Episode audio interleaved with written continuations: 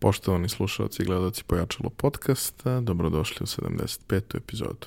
Ja sam vaš domaćin Ivan Minić, naš sponsor je ovaj put Epson i hvala im na tome, a danas imam prilično ekskluzivnu uh, priču i ekskluzivnog gosta. Moj gost danas je Janko Stanković iz marketinga Crvene zvezde, košarkaškog kluba Crvene zvezde. Dobrodošao. Bolje te našao.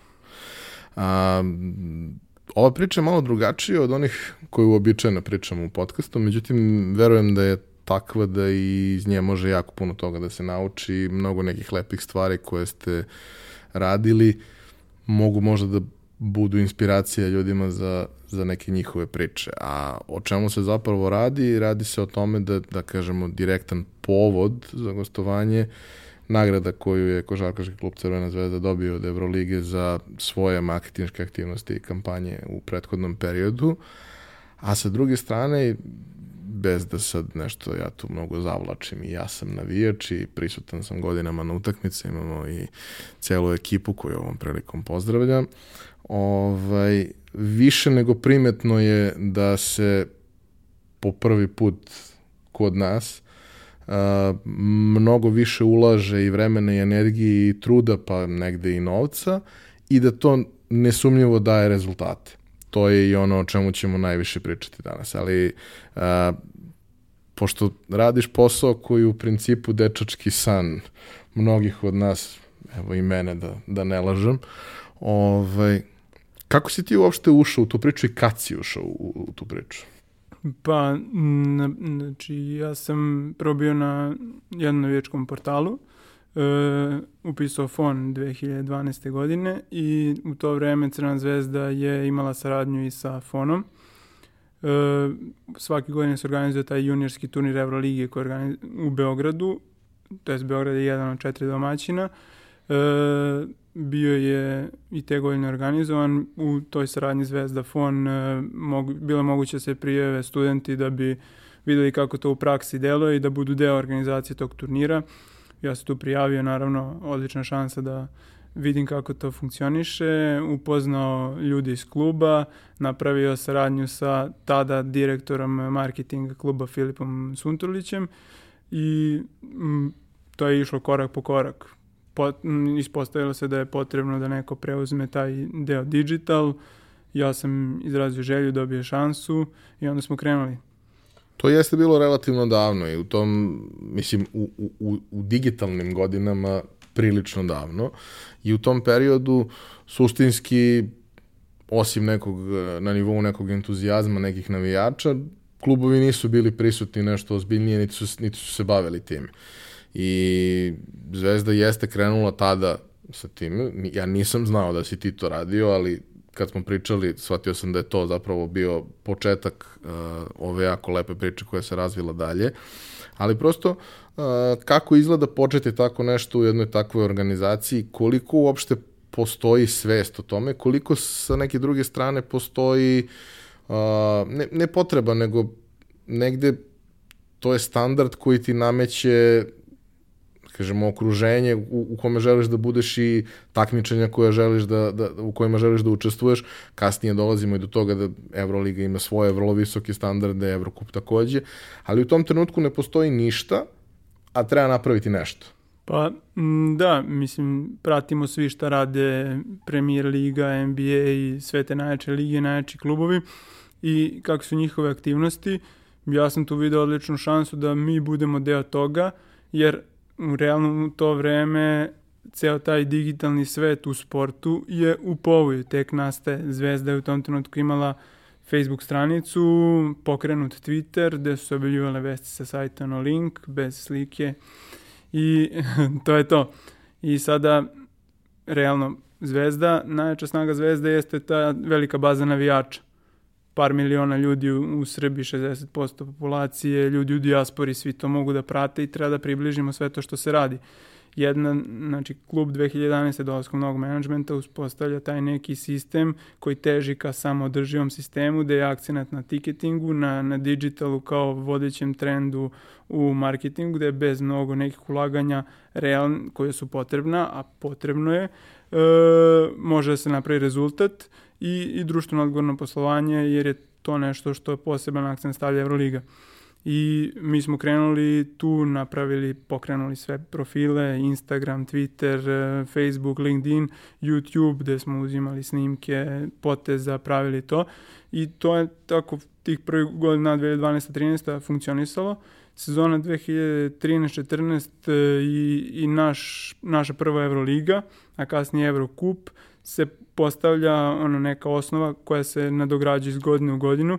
Na primjer, ta utakmica sa Budiveljnikom, koja je jedan case study koji smo kasnije primjenjivali i nadograđivali, gde smo mi hteli da napravimo nešto veliko, jer je to zvezda u košarci posle 14 godina igrala prvi put Euroligu, onda Eurokupu imala šansu da se bori za, za plasman u finale. Četiri finale ne tako atraktivna ekipa Budiveljnik. Mi smo pokrenuli kampanju nedelju dana ranije na društvenim mrežama i videli tek tad da, da to stvarno ima odjeka, jer to smo spojili sa TV-om, sa emisijama gde imamo mogućnost da se spojimo sa zvedašima koji to vode, mediji, gostovali, direktor, eh, PR, kapiten Neša Ilić u, u medijima, napravili neku priču, neki hajp oko toga i ta utakmica je na to mi su doveli 24.232 čoveka i napravili rekord koji dalje važići, to je najviše ljudi prisutno u zatvorenoj hali u Evropi u košarci. I onda smo tu u stvari se susreli sa tim kolika je snaga e, digitalnih kanala i šta su, tu sve može da se radi. Kasnije se to nadovezuje, znači da svaka ta aktivnost, sve to što smo radili, možemo i da dođemo do neke komercijalizacije tih sadržaja, što je jedan od aspekta koji dovodi do tog samodrživog poslovanja. Da, kada, kada pričamo o tome, mislim, business case evropske košarke nije sjajan. Business case bilo čega što nije futbol u Evropi je takav da suštinski stvari vrlo teško mogu da budu samo održive na nekom višem nivou, možda na nekom nacionalnom ili regionalnom nivou klubovi koji se takmiče i mogu da teže nekoj održivosti sa nekim niskim ovaj, troškovima i sve. Međutim, prosto evropska košarka diktira vrlo visoke troškove, ok, postoji sada i tu neki novac koji, koji dolazi i, i same priče, ali vrlo teško je da ti budeš konkurentan ekipama koji imaju ogromne budžete uh, i vrlo teško da možeš da napraviš da to bude održivo. Tako da, uh, realnost je da je košarka u Evropi gotovo uvek podržana od strane države, grada ili u nekim slučajevima, a ispostavit će se to možda baš i nije idealno, uh, nekih uh, velikih firmi, giganata poslovnih ili porodica koje su vrlo imućne, opet verovatno uspešne poslovne porodice, kao što je, ne znam, situacija sa firmama Turska, sa porodicama Grčka, pa to opet ne daje neku dugoročnu stabilnost. To daje mogućnost da klub naraste, postane možda i šampion Evrolige i sve ostalo, ali kao vrlo lako može se desiti da par godina kasnije bude suštinski, suštinski nebitan.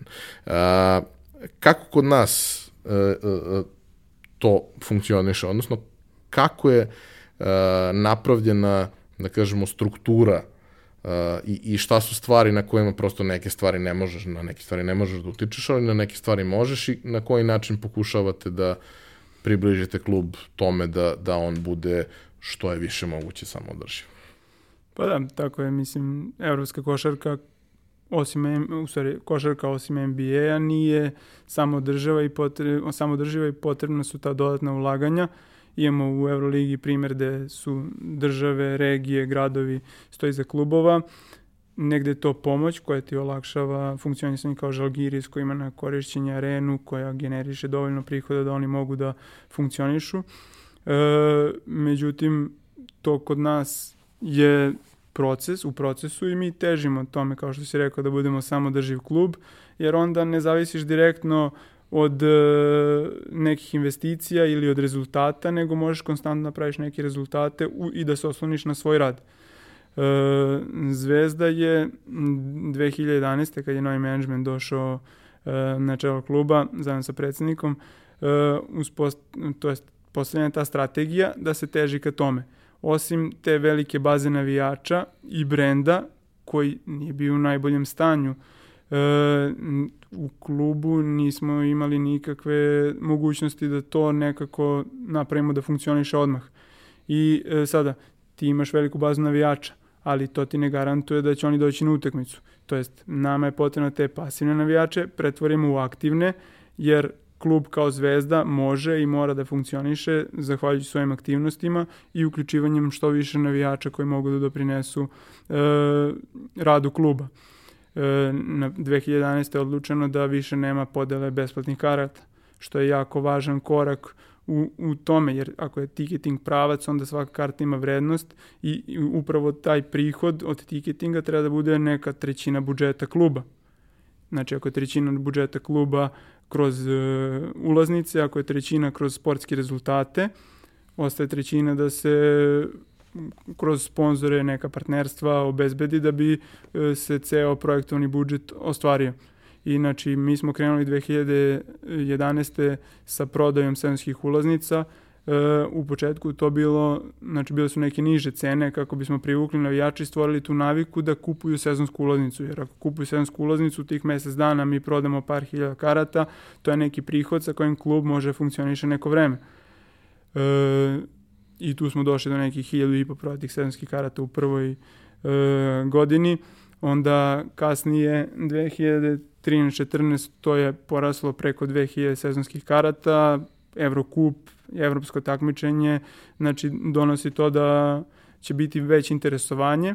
Naravno, uvek je lakše kada su dobri rezultati, kad se pobeđuje osvaju trofej, tad još uvek nisu krenuli trofeji, ali je znači, sezona 2013-14 postavila taj temelj i na tom polju, jer sezonska karta je super, ona im obezbeđuje je kad pogledaju znači, koliko utakmica mogu da gledaju i koliko plate da imaju ispod regularne cene mogućnost da gledaju sve utakmice ako bi kupovali pojedinačne karte, ali e, potrebno je kao i u svakom poslu stvoriti neku dodatnu vrednost. Jesu to lojalni e, navijači, potrošači, ali i njima je, njih je potrebno stimulisati da bi se oni osjećali tu komforno i da znaju da se osjećaju, da stvorimo tu znači taj osjećaj pripadnosti, da oni osjećaju košarkaški klub kao nešto svoje.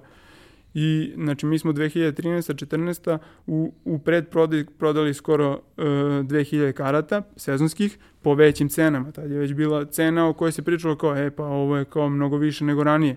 Bila je prva Euroliga. Ali tad bila i ozbiljna košarka. Počela je da bude da. ponovo ozbiljna Dovodiš košarka. ozbiljni igrače sa renomeom. Taj je došao Marcus Williams, tu je Bobby druga sezona, uh, Jenkins je tu ostao prvi put i produžio neke strance ali opet ta cena mora da se pravda. To što će on gledati sve utakmice po nekoj povoljnoj ceni nije dovoljno.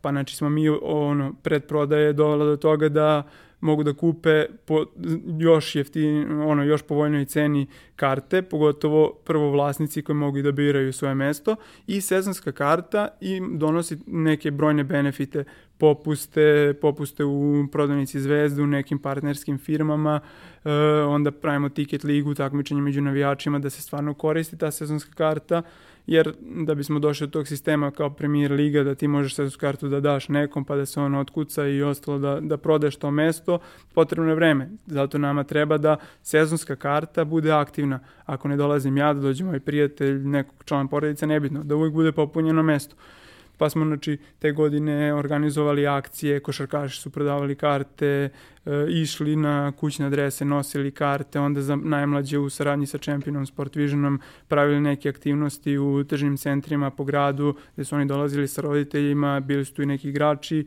e, i sve to kako bismo povećali prodaju i, i tu priču uopšte ta, da podignemo tu svest o značaju prodaje sezonskih karata. e, u, i gledali da što više uključimo igrače, jer su oni ti brand ambasadori, oni tu sliku u javnosti i kreiraju. E, umeđu vremenu ta prodaja je rasla iz godinu u godinu, e, tu smo imali 4000 prodatih sezonskih, što je do tada bio rekord 2000 u predprodaji. E, trend rasta je nastavljen zbog rezultata i zbog naših aktivnosti, ali to je ono, u sportu možeš da radiš sve super, ako nema rezultata, to neće imati pravi efekat. Ako su i rezultati tu, onda je to ono, puta dva, puta tri, priče su superlativno o tome.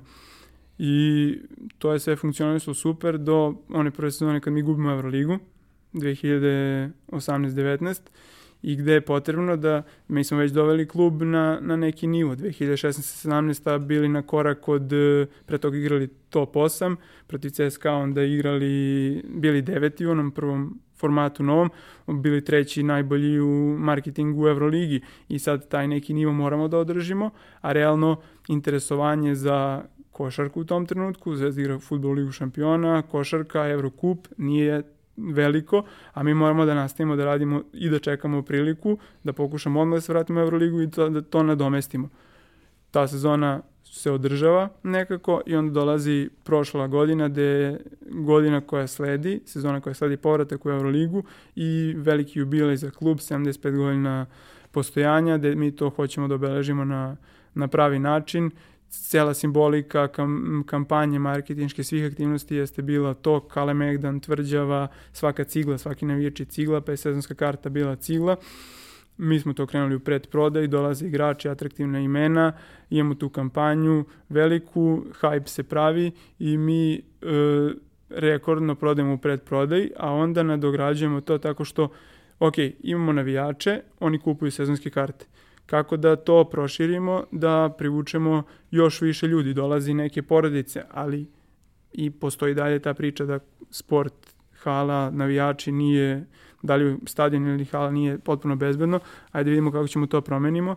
Imamo, na primjer, problem na manjim utakmicama, tribina D je manje e, popunjena i onda mi odlučujemo da tu tribinu namenimo najmlađima, da napravimo Zvezdaš junior program, i da napravimo paket da oni dobiju sezonsku kartu po ceni za decu, mora u pratnji roditelja ako je dete mlađe od 15 godina, e, onda dobiju poklone neke sa obeležima kluba i niz aktivnosti tokom sezone, znači druženje sa košarkašima, upoznavanje, da ono istrčavaju zajedno sa njima, pozdravljaju ih, gledaju kako je to u slučionici. Znači pravimo e, negujemo mlade navijače, stvaramo novu bazu nekih e, ljudi koji će za par godina da preuzmu primat tu da, da budu aktivni na svakoj utakmici i povezujemo to s roditeljima. I mi smo, na primjer, ta tribina D koja je bila najmanje prodavana u prethodnih 6-7 godina, došlo od toga da mi u predprodajemo 400 klinaca plus roditelja i malte ne popunjen taj sektor koji je u TV uglu. pa smo onda išli kompanijama, pravili korporativne ponude, ubacili ponude Skybox, e, znači za firme kao team building i ostalo i na sve te načine mi smo došli do toga da prošle godine imamo rekordnu prodaju i blizu 7, 6784 prodate sezonske karte što je rekord za Crvenu zvezdu i to je donelo ozbiljan prihod, to je trećina, četvrtina budžeta kluba.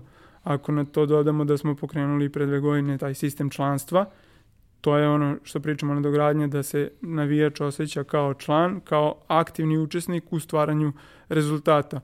To je bilo povezano sa cashbackom, na primjer Zvezda i cashback su napravili kao jedan case study koji je funkcionisao.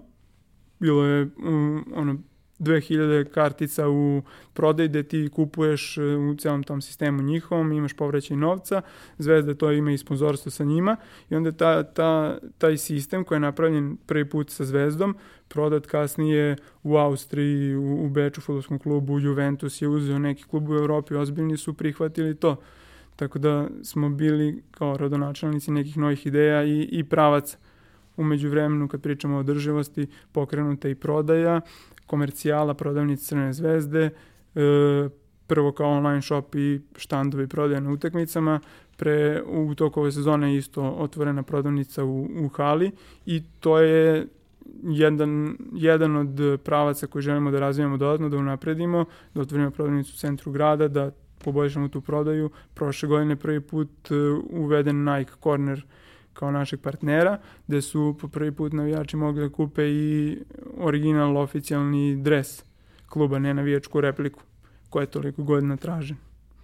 E, mogu samo da potvrdim tu celu priču sa, sa tim da nema besplatnih karata, ovaj, jer smo mi jedne sezone Što ono kao, zbog obaveza znam da ne mogu da idem na sve utakmice, ne mogu da idem ni na većinu, ali otići ću na 5-6 i to je okej. Okay prve godine a, kad smo se kao formirali kao ekipa koja ide i a, mogu da kažem da mi je to stvarno bila ovaj terapija te godine uvek smo imali neku varijantu da preko kontakata koje imamo zamolimo da nam se ostave karte, da ih pokupimo na malom Kalemegdanu. I uvek je išao neko, imamo kolegu koji živi relativno blizu, jednom kome su kancelarije blizu, uvek ide neko od njih. Jednom nije mogu i odem ja. Kao, ajde, nema veze, mogu da se zavučem kolima skoro skroz do tamo i kao nije, nije frka. Red ogroman, ne sjećam se koja utakmica bila, možda je bio recimo Himki, sećam se da je to bilo jezivo puno, u, u, u pioniru i sad kao dolazimo tamo, parkiramo se i dolazimo, stajemo u red, tad nije bilo socijalne distance i svega toga. Stajemo u red i kao stojim ja u redu, relativno brzo to sve ide, sve je okej, okay, dođeš tamo, platiš, dobiješ karte, dobiješ račun, sve u redu. I ja u jednom trenutku problem postoji neko komešanje. U suštini svi ljudi stoje, ćute i to se neko komešanje. Ja se okrenem dva mesta iza mene Simon čeka kart. Ja kao, brate, jer i ti? Pa kao takav je dogovor. I on je, sećam se, ja sam ostao tu, smo sve završili, on je došao na red, platio karte, uzeo za svoje prijatelje, rodbinu, koga god i kao, to je to. I e, ne, kao nekome ko dolazi iz posla, a vo, voli taj klub i sve to, ja stvarno mislim da je to jako važno, da ljudi, kada su stvari besplatne, ne, ne osjećaju nikakvu vrednost. Može besplatno da bude nešto što ti dobiješ kao dodatni benefit, da ti kao nosilac nečega dobiješ nešto dodatno zato što si to, da ti neko pokloni nešto tako i ljudi će to vrednovati. Ali ako po defaultu samo daješ besplatne karte da bi neko došao, vrlo malo ljudi će to zapravo da ceni. I mislim da, da je to naravno dobra stvar. Takođe, recimo mi smo, sećam se, naredne sezone smo uzeli sezonski. Uzeli smo svi. Mislim da je to bilo 8 ili 9 sezonskih i uh, manje više na svim utakmicama smo bili. Ja sam možda dve propustio jer sam imao nekih drugih obaveza koje nisam mogao da pomerim. Ovaj, I onda se se malo kao promenio se život, ušle su neke druge obaveze, jednostavno više nismo mogli da idemo toliko redovno. Smo naredne godine uzeli manje sezonskih, ali je pred svaku utakmicu bio dogovor ko će da ide. Imamo šest sezonskih i ok, možda jedna neće ostati uh, ne, neće biti iskorišćena, ali na tih šest petorica će da se dogovore i neće to biti svaki put ista petorica, mada neki jesu redovniji. Ali kao uvek imamo naše, znamo sigurno da imamo karte. Znam koliki je pakao kad su stvarno vredne utakmice koje treba doživjeti svaka utakmica je priča za sebe ako, ako, ako to voliš, ali uh, postoje neke koje ćeš se kajati ceo život ako nisi bio na njima. Evo recimo u futbolu Zvezda Liverpool, mada mislim da bi umro da sam, da sam bio tamo. Kao navijač Uniteda mislim da gledam kako dobijamo 2-0 Liverpool, pa stvarno mislim da bi umro. Ali ta cela varijanta ono da kao ti imaš svoje mesta i to je to i od tad mi svake godine uzimamo to. A sećam se jedne godine smo nešto, nešto je bio, bio je problem i nismo stigli, završavali smo nekako karte za prvi deo sezone i da smo uzeli polugodišnje što je isto super stvar, je to niko do tad nije radio. Zvezda je u nekom trenutku uvela polugodišnje karte i to je opet varijanta da, da. finansijska inekcija, a ljudima rešavaš problem. Jer to je stvarno bilo, ako ne znaš nekoga, ono kao da zove neko od novinara ili neku šansa da ti završiš karte za neku utakmicu Evrolige dok je Zvezda igrala na, na nekom visokom nivou, to je bilo, bilo nemoguće. Ovaj, tako da svaka čast i na inicijativi i na tom vrlo agilnom momentu gde kao kad vidiš da postoji, ti probaš nešto i te polusezonske su izgledale isto kao sezonske, ali nije bitno, prošlo pola sezone, nisi, nije, nije niko tu na, na, na šteti, a dobiješ rešenje za svoj problem. A, kako uopšte izgleda, mislim, to se naravno menjalo kroz, kroz ovih osam godina, a pre toga da, da ne govorimo, ali a, kako uopšte izgleda organizacija jedne utakmice? A, ti si vrlo aktivan u celom tom procesu i mislim, ti si jedan od ljudi koji kad, kad mi svi završi se sve i bude ili dobro ili ne bude toliko dobro, mi odemo negde na pivo i odemo kući, a vi ne odete na pivo i ne odete kući. Šta prethodi, a kako su izgleda posle utakmice? Odlično pitanje, ali uh, to je tačno. Znači, nama u suštini kad se završi utakmica, tek tada kreće pravi posao. Mislim, i ovo je bilo pravi, nego ako se nešto ne pokaže da je urađeno, onda kao da se nije ni desilo. Uh, u suštini isto kao za svaki projekat, svaka utakmica je projekat za sebe. I sada u, uobičajeno je ti se pripremaš mesecima za neki projekat, održiš projekat, ispričaš šta je sve tu bilo i završio si. Samo što kod nas ide, odigraš utakmicu i te noći završiš to i onda krećeš na sledeću. Tako da koliko igrači imaju utakmice, isto toliko imamo i mi, plus gostovanje i na svako imamo neke aktivnosti. U suštini, Euroligaška utakmica, da uzmemo kao primer, zato što tu ima mnogo više aktivnosti, e, gledamo i težimo tome da svaka utakmica bude drugačija, bude priča za sebe. E, svaka utakmica, ono što je naša želja jeste da ne bude samo taj sportski moment, dođeš, odgledaš utakmicu i to je to, nego da to bude program od ulaska u halu ili ispred hale do, do te utakmice i posle utakmice da imaš neke aktivnosti ili nešto gde možeš da provedeš vreme sa ekipom, porodicom ili sa kim već dolaziš na utakmicu. Tako da e, mi animiramo sponzore, na, to jest na početku svake godine mi održavamo taj godišnji sastanak sa sponzorima da im predstavljamo šta je sve urađeno i koje su mogućnosti za narednu sezonu. Tako da oni imaju neku predstavu e, sa kojim sve aktivacijama mi raspolažemo, mogućnostima i gde oni mogu da se uključe.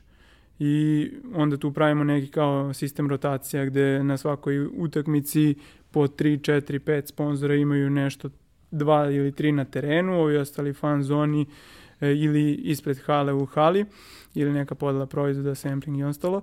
Tako da e, komunikacija sa sponzorima, pravljenje nekog plana, agende, dešavanja, šta je sve e, šta sve ulazi u taj protokol te jedne utakmice i onda dva dana pred utakmicu selimo se u, u arenu gde provodimo vreme, probamo sve. Ove godine smo imali taj mapping show, pre-game performance. E, prva, ja mislim, im bilo je nekih varijanti, pravila je Barcelona za oproštaj Navara, pravilo je, pravio je, na primjer, Makabeve godine nešto, ali ne tako. Ovo je sad, ovo je 3D čet, ili 4D u nekim trenucima, četiri dimenzije, na svakoj utakmici drugačiji program, drugačija animacija, drugačiji stil predstavljanja igrača i to je ono što smo sada prvi put radili, a što je oduzimalo dosta vremena, gde kad dođu gostujuće ekipe i vide to, na primjer Efes koji ove godine i osvojio prvo mesto, kažu ljudi kako vi ovo radite, kao mi u Turskoj ne možemo da nađemo način da, da isfinansiramo takav jedan projekat na jednoj utakmici.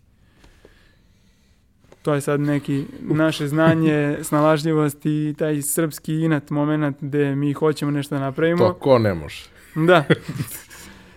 I mi tu provedemo te par proba pre utakmice, pre tih treninga, jedne ekipe, druge ekipe posle, ceo dan e, odigravanje utakmice smo u hali, probamo sve, nameštamo, imamo taj deo event managementa koji se tiče bezbednosti i same postavke, jer hala nije u vlasništvu kluba. Tako da mi dođemo, brendiramo celu halu, svaki kutak, svaku tribinu, pa sad taj zvezdaš junior na D tribini, svaka ograda bude brendirana, svaki onaj izlazak e, iz tunela, parket i sve ostalo.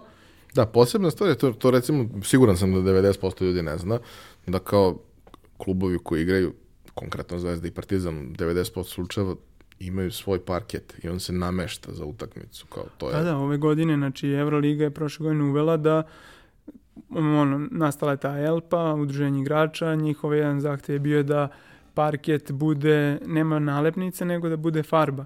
Pošto je farba, onda moramo da imamo različiti parket, jer je kao proračun neki bio da ima najviše povreda tu na proklizavanje. Da, na tim nalepnicama i onda dva dana pred utakmicu mi postavimo naš parket, što je olakšavajući okolnost, jer godinu dana pre toga mislim, skuplja, ali olakšavajuće godina dana pre toga smo morali sve prelepimo i na parketu.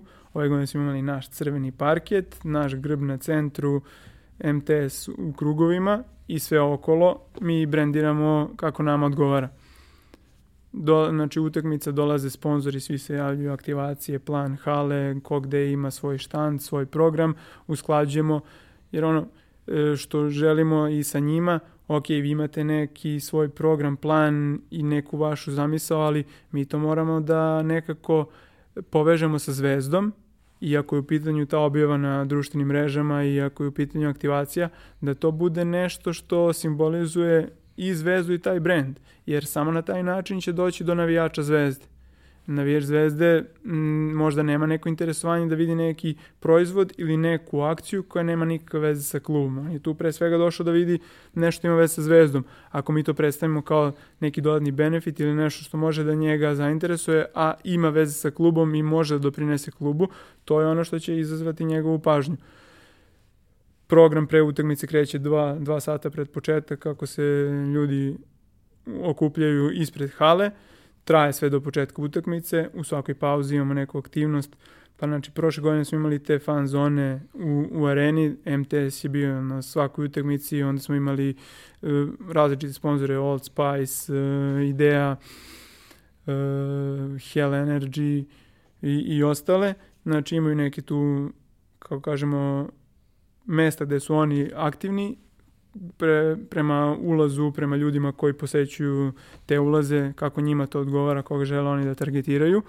E, dođu unutra u, u halu, gledaju program, imamo neki program pre utakmice, onda program u pauzama ove godine je bilo na e, Jumbotron, Kocka, Idea, Kiss Cam, Dance Cam, e, i Bongo Camp, pa su onda delili neke poklone, pa imamo nastupe cheerleadersica, pa onda na polovremenu jedne ili dve aktivacije sa sponsorima, partnerima, e, tu su i neki influenceri koji imaju program vode, poznate ličnosti, zvezdaši, e, pa onda smo ove godine don, imali taj novitet da smo za ljude koji dolaze na onim mestima pored terena, Seat e, i Skybox, to su neki kao poslovni, e, ljudi u skyboxima, pored terena, ljudi koji mogu da priušte ta mesta, dolaze tu, e, napravili VIP lounge e, sa programom e, hrana, piće, muzika, ambijent koji... A, I prostor za druženje i za networking da, da, u krajnjem slučaju. To je, znači, ta korporativna ponuda je bila usmerena ka tome.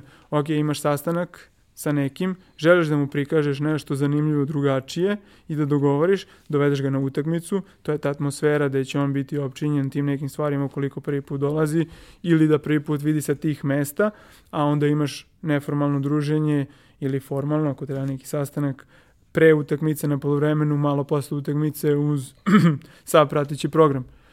Tako da ta utakmica je sama po sebi ima nekih 10 različitih aktivnosti, aktivacija da je uključeno dosta ljudi i onda kad se završi utakmica, jedna ekipa ide skida sa branding, konferencije za medije, PR, saopštenja, onda sve što je rađeno, mora da se predstavi to kroz neku produkciju, video, materijale, sadržaje, e, kroz fotografije i ostalo, da svima damo prostora i da svi pokažu šta su radili na toj utakmici kako bi navijači videli šta je sve bilo, došli, kako bi njihova publika videla, kako bi svaki brand dobio dodatnu, dodatan visibility i mogućnost da predstavi svoj rad.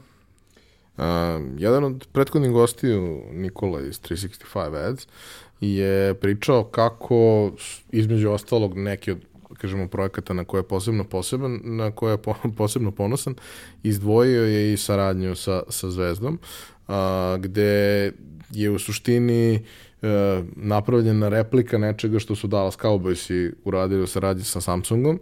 A, ne, ne tako dugo, nekoliko nedelja ili nekoliko meseci kasnije, istu stvar su imali mogućnost i navijači Crvene zvezde da, da urade, a priča je bila da ti imaš uh, uređaj gde dođeš, izabereš koje hoćeš igrače, da se kao virtualno slikaju sa tobom, ali de facto to izgleda potpuno realno. Uh, i onda oni dođu, naprave ovaj, raspored, stanete, slikate se, ti imaš uspomenu od toga koja, koja je nešto što naravno svakome znači jako, jako, jako mnogo.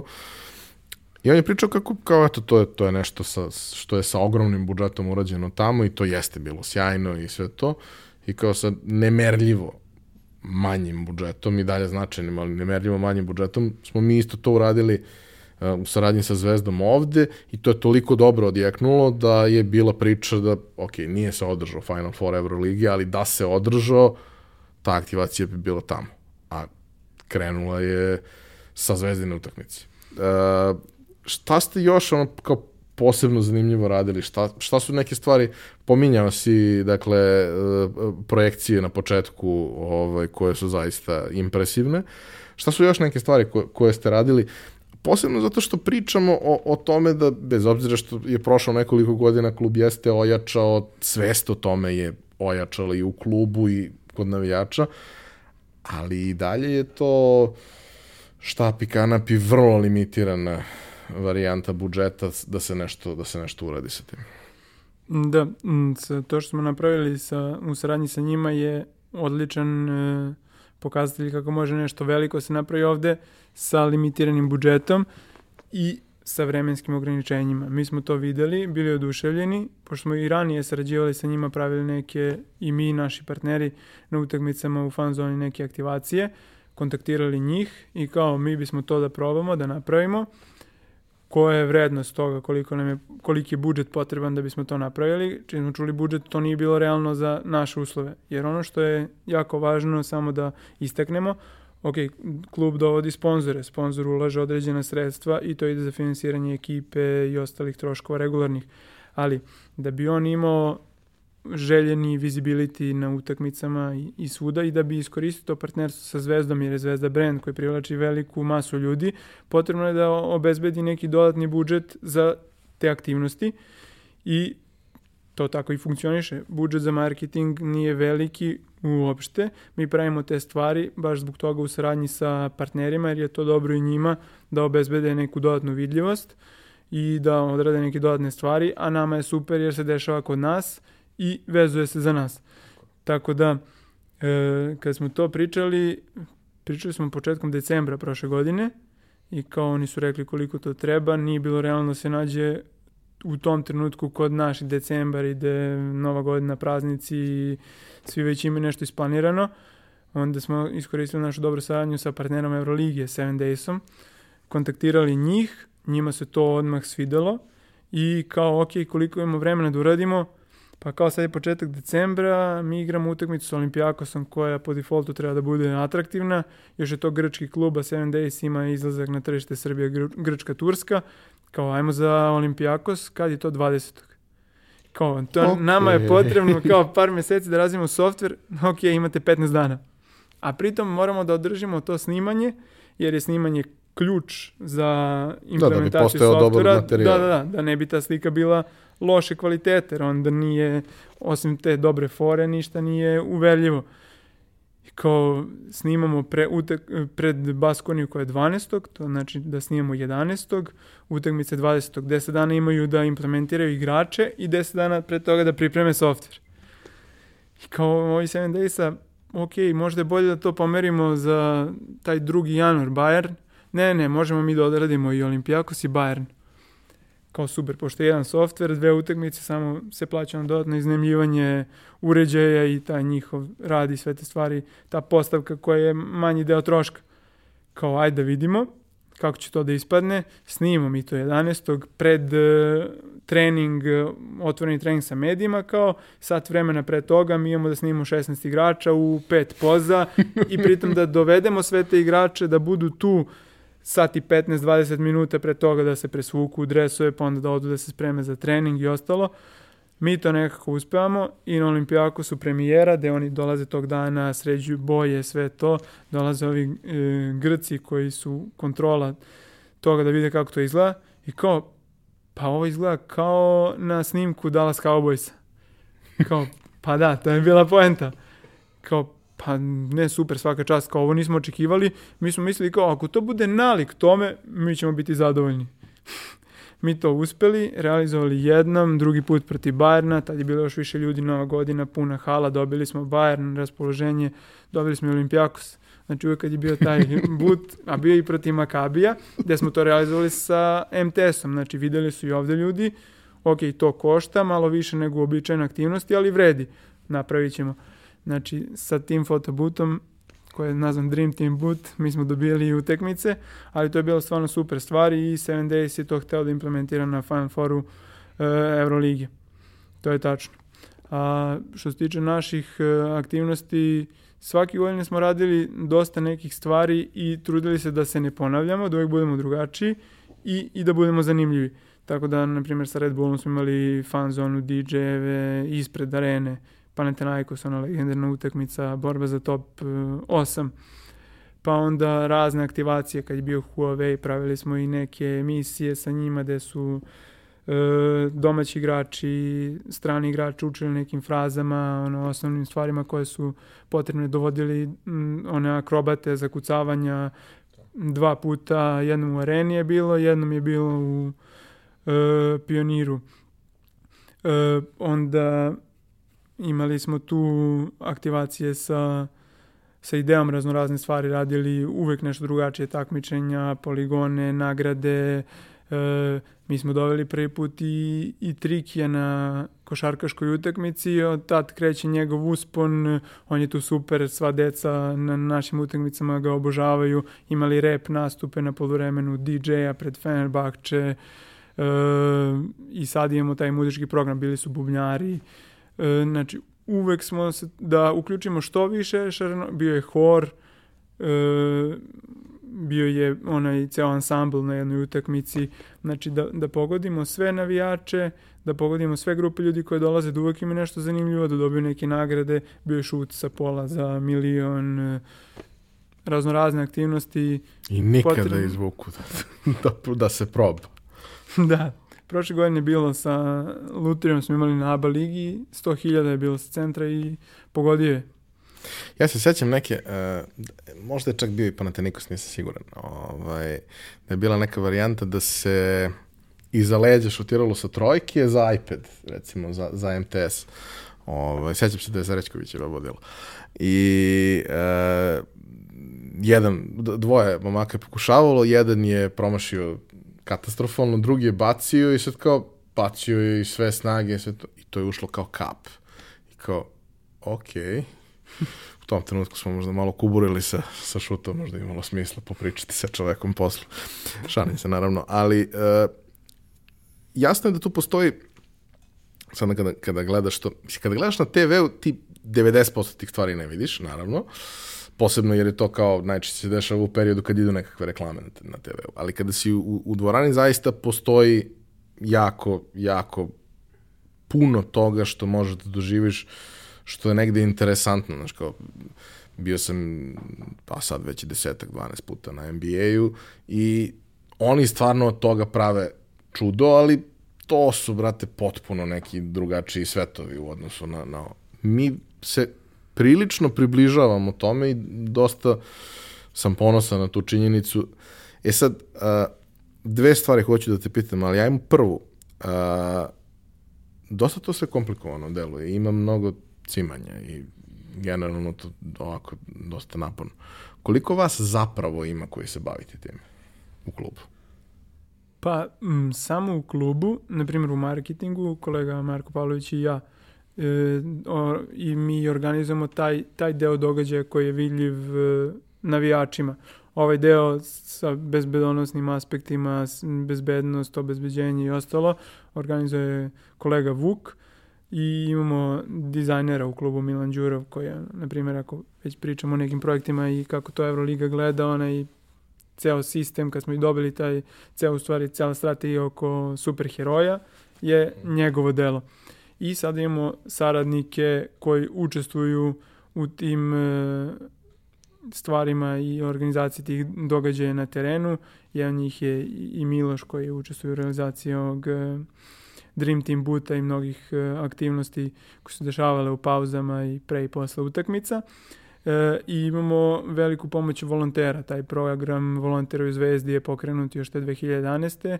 i onda u zavisnosti od događaja utakmice tu je još nekih e, 15-20 ljudi sa jasnim zadacima kako bismo to sve mogli da sprovedemo i realizujemo, jer u suprotnom 3-4 osobe to same ne bi mogli nikako da izguraju do kraja. A, kada si mali, a treba da se takmičiš sa velikima, onda moraš mnogo više da se trudiš i mnogo više da se cimaš. I ako ti je svaki navijač važan, a u suštini svakom klubu bi trebao da bude, ali nije baš svakom klubu svaki navijač važan, ti ulažeš neke dodatne napore.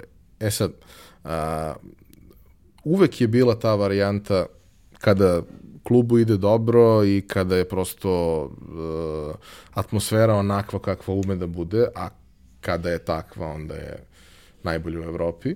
Uh, pa i na svetu, pošto mislim, ono u NBA je zaista, zaista smešno, ovaj, iz ugla svakog od nas. A, to je sve okej, okay, ali to, to je neki voljni moment ljudi. Siguran sam da ono, u, u mnogim drugim dvoranama kada klubu ide fantastično, sigurno je podrška jako, jako dobra. Možda ne takva, možda Znaš, kao, ja sam tu umeo da kažem te sezone kad smo išli patološki na svaku utakmicu, to je bila varijanta, ono, dolaziš i otprilike sve ostalo je u haosu, ali jedino tu se dešavaju, tad je bila i ona serija od, od osam pobjeda, kao, jedino tu je sve okej. Okay.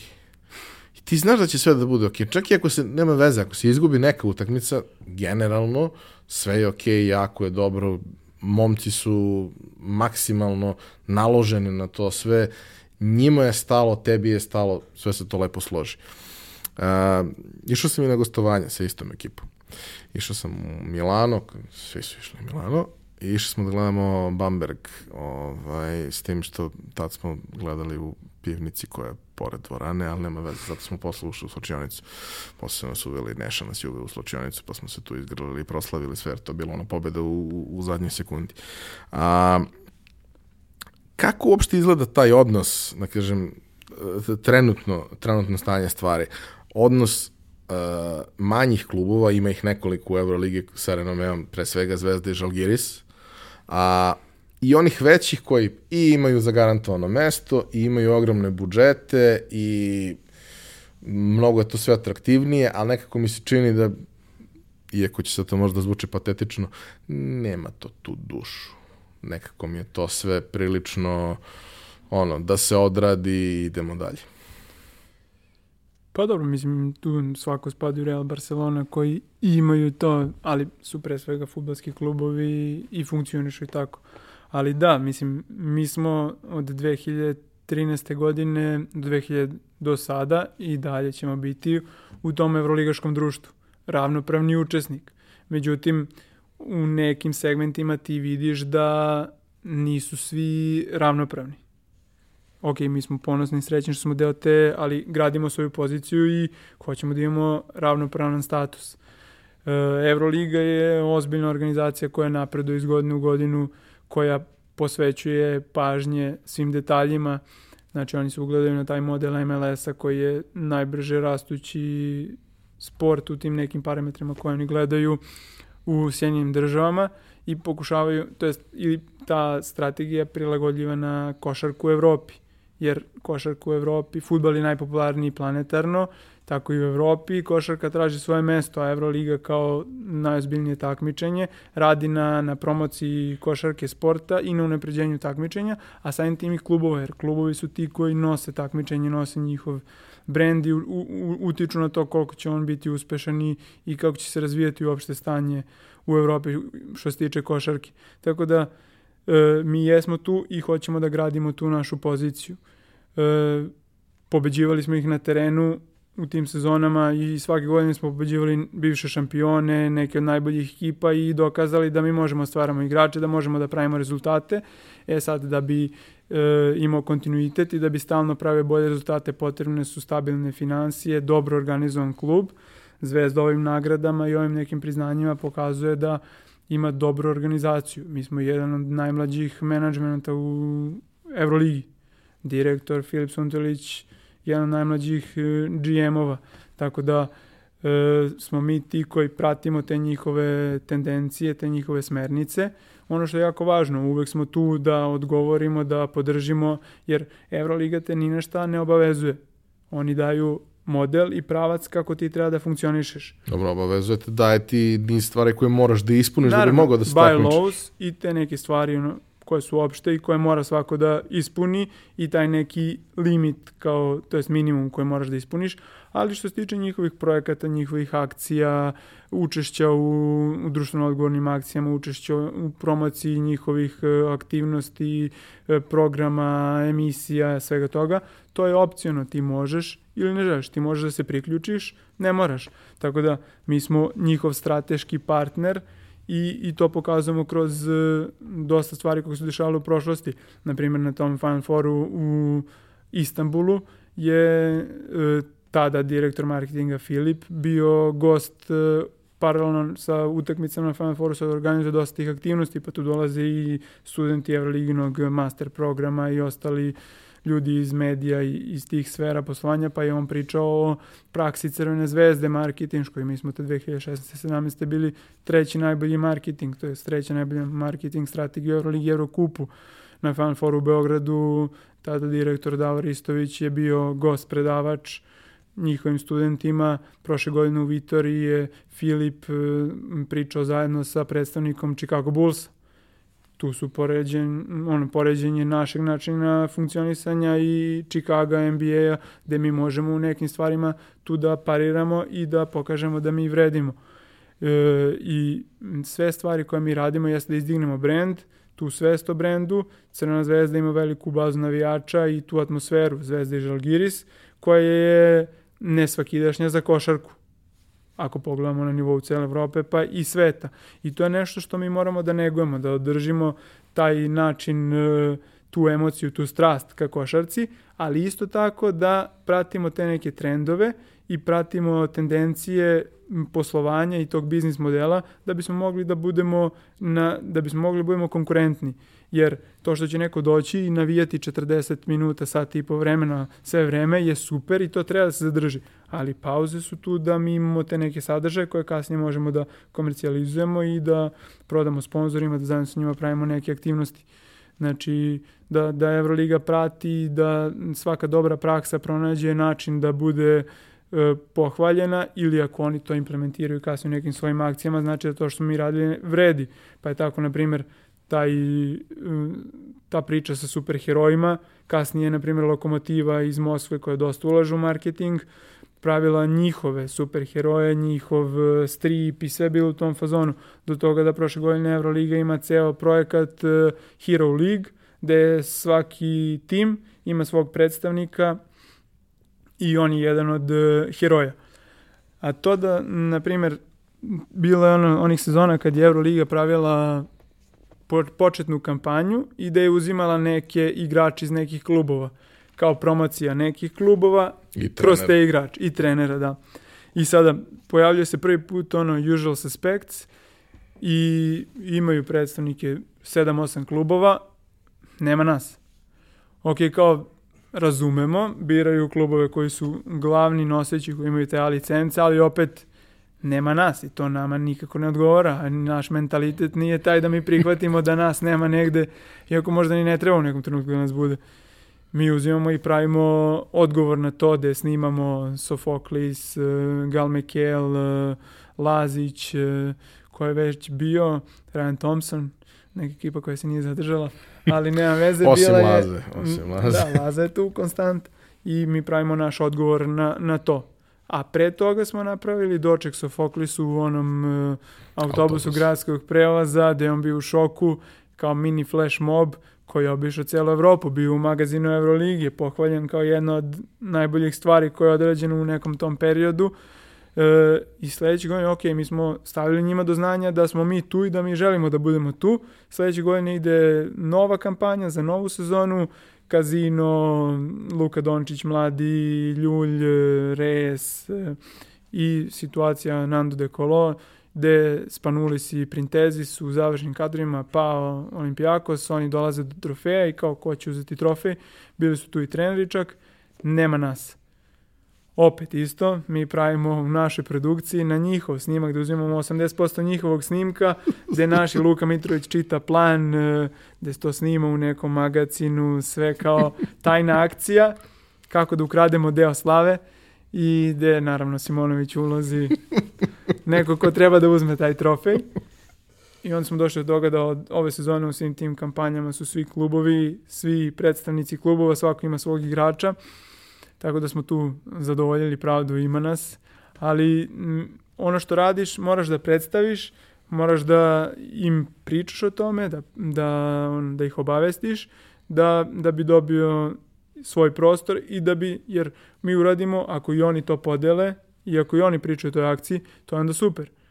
I onda je jako važno da, da sve što je ponuđeno iskoristiš. Naprimjer, društvena odgovornost je jedna od jako važnih stvari za Euroligu. kao organizaciju koja teži da bude ozbiljna i, i poštovana u, u celom svetu. Oni imaju njihovu društveno odgovornu organizaciju One Team. I sad svaki klub, sad je već to praksa da ti moraš da prijaviš jedan društveno odgovorni projekat u toku sezone.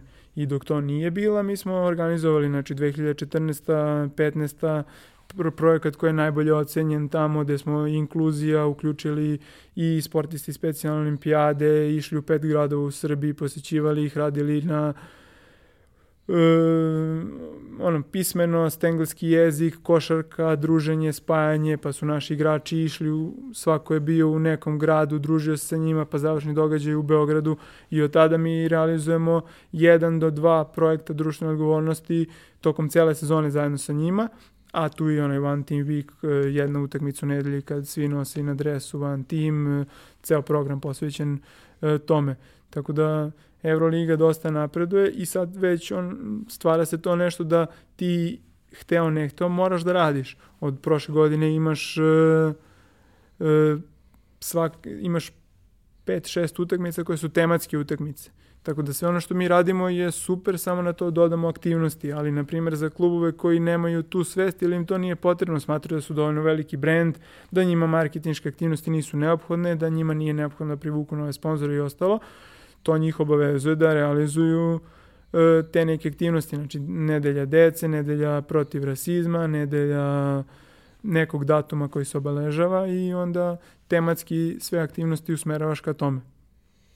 A, jedna od stvari koju, koju nekako uvek e, podvučemo kroz, kroz, kroz ovakvu priču je da s jedne strane su ljudi marketari koji razmišljaju prave planove i ostalo, s druge strane su nekakve obaveze koje, koje ti imaš, a s treće strane e, upravo kao što si ti rekao na početku, imaš igrače koji su brand ambasadori. E sad, kod nas, naročito u trenutku kad, kad ste počinjali sa, sa celom tom pričom, ajde sad postoji negde sve, sad svi hoće da budu influenceri, ovaj, ali e, kod nas baš nije postojala preterano visoka svest kod tog, kod, da kažem, profesionalnih sportista o tome da kada igraš u nekom klubu, ti reprezentuješ taj klub, kada igraš za neku zemlju, ti reprezentuješ tu zemlju, postoji određeni uh, modeli ponašanja koje bi trebalo da usvojiš.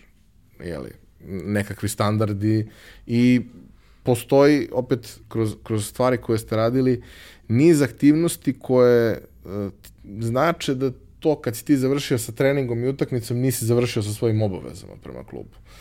Kako je bilo to ovaj, da kažem, ne, ne nametnuti, ali kako je bilo raditi sa igračima na tome, jer kao do nekog trenutka on nema nikakve obaveze niti bilo šta o tome ovaj, i, i razmišlja i tako dalje.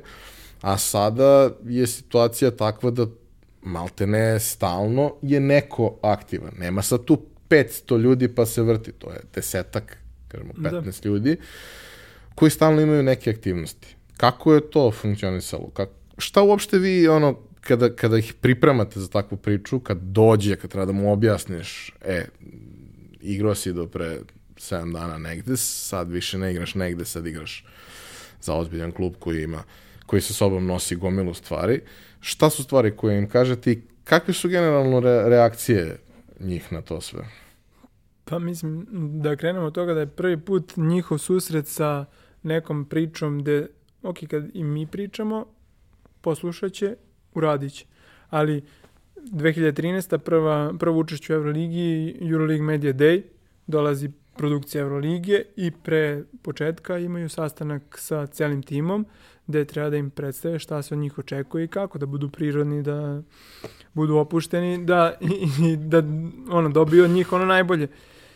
I sada to je nije baš šok, ali neka totalno nova priča i, i nov način uh, gledanja na, na stvari kod njih, jer u tom trenutku su Nelson, Shilb i Jenkins igrači koji su došli iz Sjednjih država, koji znaju sve to i koji onda pomažu i domaćim igračima da savladaju te neke A ti prepreke. Si, ti si negde navikao na pažnju medija, ti igraš pred ogromnim auditorijom da, i snimaju. a, ali ne treba da se treba da družiš sa i da budeš tu sa deseta klinaca, pogotovo ako su ti klinci i specijalne olimpijade neke takve organizacije, ti moraš onda da, da ti nisi tad za njih samo neka košarkaška zvezda, nego ti si njihov idol i kako ti treba da se ophodiš prema njima, ponašaš, to je totalno drugačiji princip i drugačiji pristup. A i generalno prema medijima, znači da, ni da, ti naravno. nisi taj koji se ono, što kažu Hrvati, nabrijao za utakmicu. Imali smo situaciju gde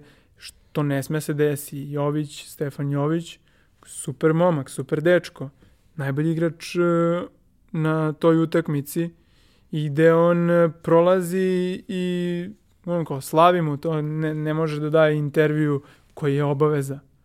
Znači, nema toga. E sad, mi smo imali neke situacije, prakse, pa onda iz toga naučiš da kogo god ti njima nešto pričaš usput, to on čuje, nešto primeni, nešto ne primeni, tako da smo mi napravili našu knjigu pravila. Imaš ove obaveze iz Evrolige, kao što su čarape, nadmajica, majica ispod i ostale stvari, ali imaš znači, način ponašanja u javnosti, način obhođenja prema medijima, gde su dodata i neka pravila medija, gde ima i slučajeva gde stvarno njih opterećuju nekim stvarima koje oni u tom trenutku ne bi trebalo da rade. Ali što se toga tiče da oni budu spremni i da oni mogu da reaguju najbolje moguće.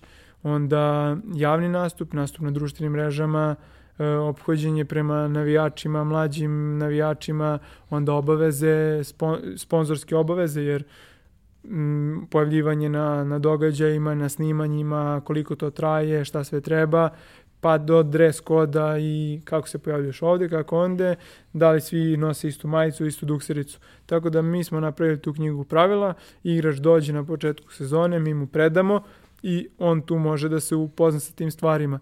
Pa onda pred svaki događaj dodatno mi sa njim popričamo, pripremimo ga, šta treba da priča, kako treba da priča, sa kim, gde ide, kako se oblači, kad dolazi, koliko to traje, da ima sve detalje, sve podatke, da on kada dođe bude pripremljen i da može da se posveti tome da tih sat, sat i po vremena odradi najbolje moguće. Od prošle godine Euroligu prethodnih par sezona isto tako pravi da je pravilnik sa praksama ovo treba, ovo je dobro, ovo ne treba, ovo nemojte da radite.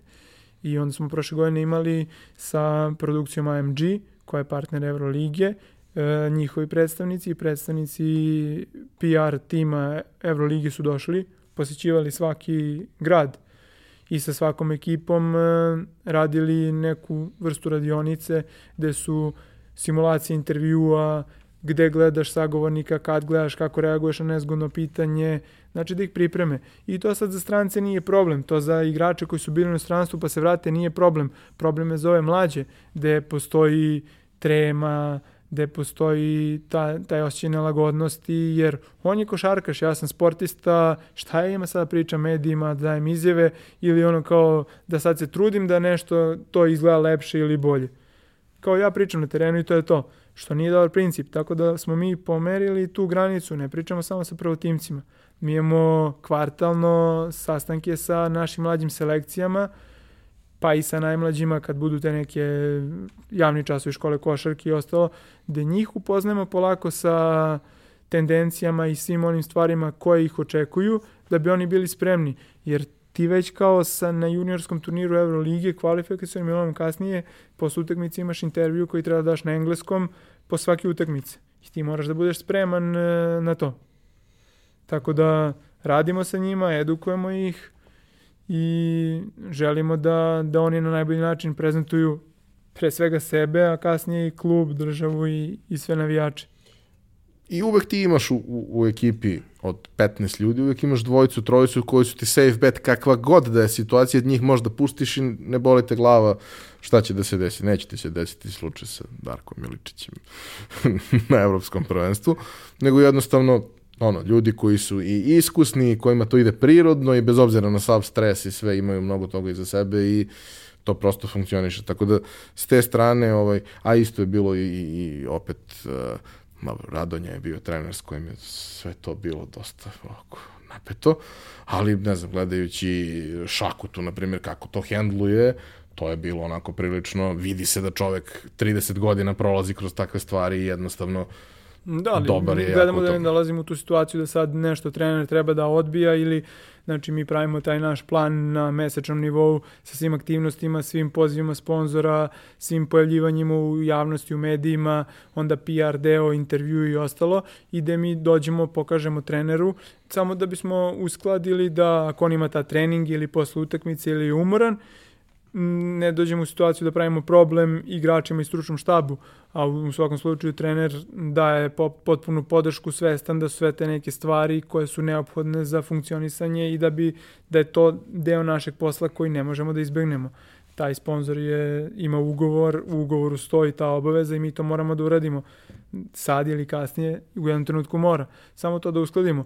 A imamo taj dogovor sa trenerima jedino kad je neko u lošoj formi pa da izbegnemo te neke komentare kao vidi ovog i da se snima, ne može da pogodi trojku ili ostalo. Treneri Da, su toga naravno. svesni i mislim to saradnje je super. I, Ja posebno, kada, kada sam to rekao, mislio sam pre svega na ove situacije gde treba da daš izjavu posle utakmice ili na poluvremenu ili nešto slično, a ako je bila dobra utakmica i ako si ti odigrao sjajno i ako se to završilo pobedom ono, u posljednje minutu i tako dalje, ne padne ti na pamet jednostavno. Ili, ili to kada dođeš bude pre, preemotivno ili ako je poraz isto tako. I onda na neki način ono kao tu imaš neko ko ti je sigurnije rešenje ovaj, od, od, od nekog ko će možda biti tu na pogrešan način da, ali emotivan. to, pošto je AMG produkcija Euroligije, oni sad gledaju grafika je taj taj igrač je najbolji, najkorisniji ili ovaj dao pobednički koš, tako da ti dobiješ par minuta pred kraj. Ukoliko vi pobedite, taj taj igrač treba da se pojavi tu i tu, onda ljudi iz PR-a, Igor Vujčin odlazi do igrača, ideš sa mnom, moraš sačekaš da, se, da on slavi sa navijačima, da pozdravi publiku, da pozdravi protivnike i onda odlazi da da tu kratku izjavu.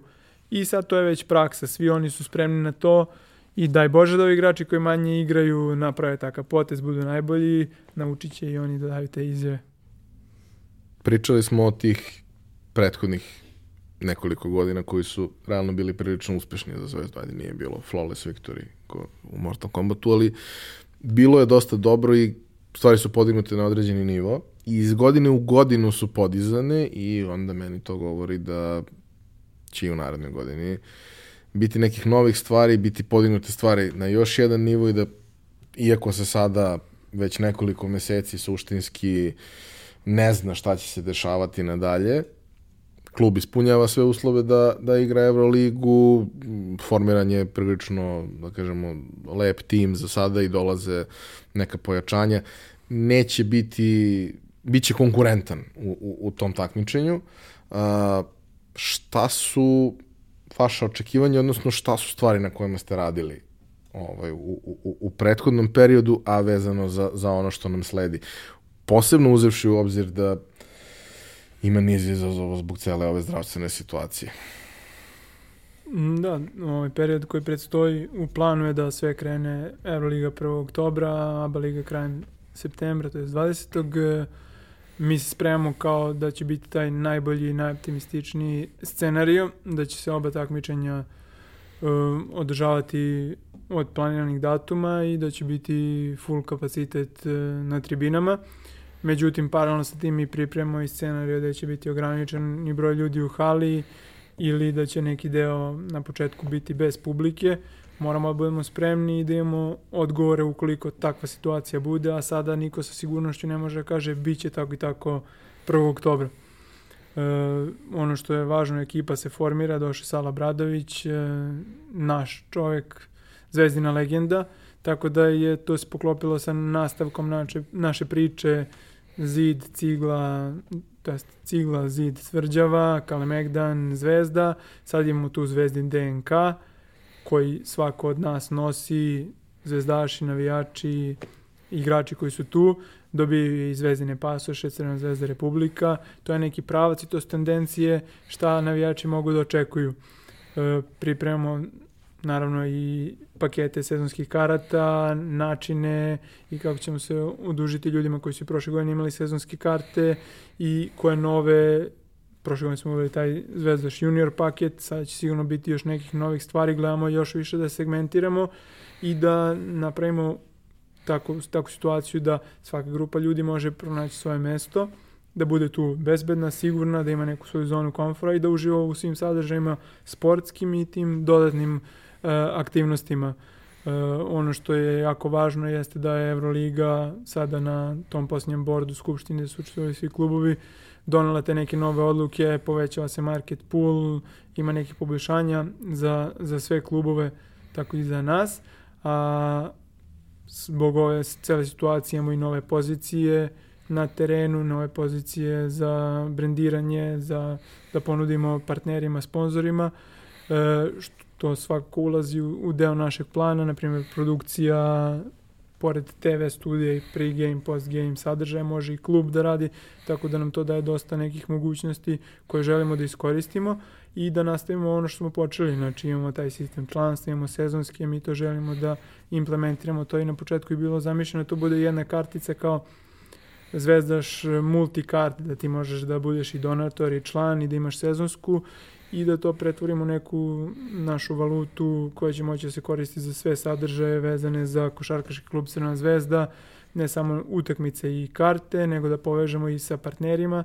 Naš cilj jeste da okupimo što više ljudi, stakeholdera, znači i manjih i srednjih e, privrednika iz države, da ih povežemo sa našim brendom, spojimo sa ostalim našim partnerima, jer samo na taj način možemo da, da se izdignemo i da svi zajedno stvorimo neke nove šanse i mogućnosti, a smatramo da Zvezda ima tu snagu brenda da može da bude inicijator tih nekih ideja i da kroz te neke aktivnosti zajedničke sa klubom i sa ostalim partnerima može da se izrodi dosta šansi za sve nas.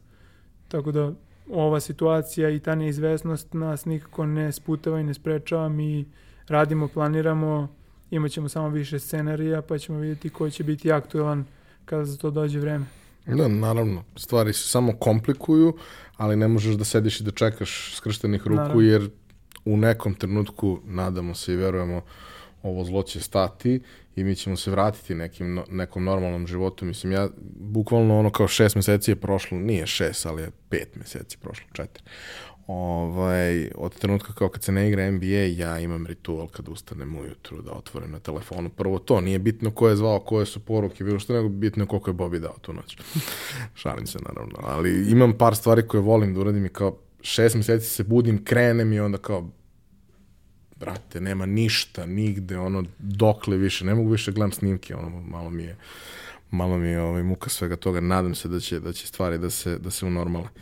E, hvala ti Ovaj, ispričao si neke baš super stvari koje zapravo ako ovaj, čovek malo razmisli i posloži u svojoj glavi, mogu da se primene na razne druge stvari.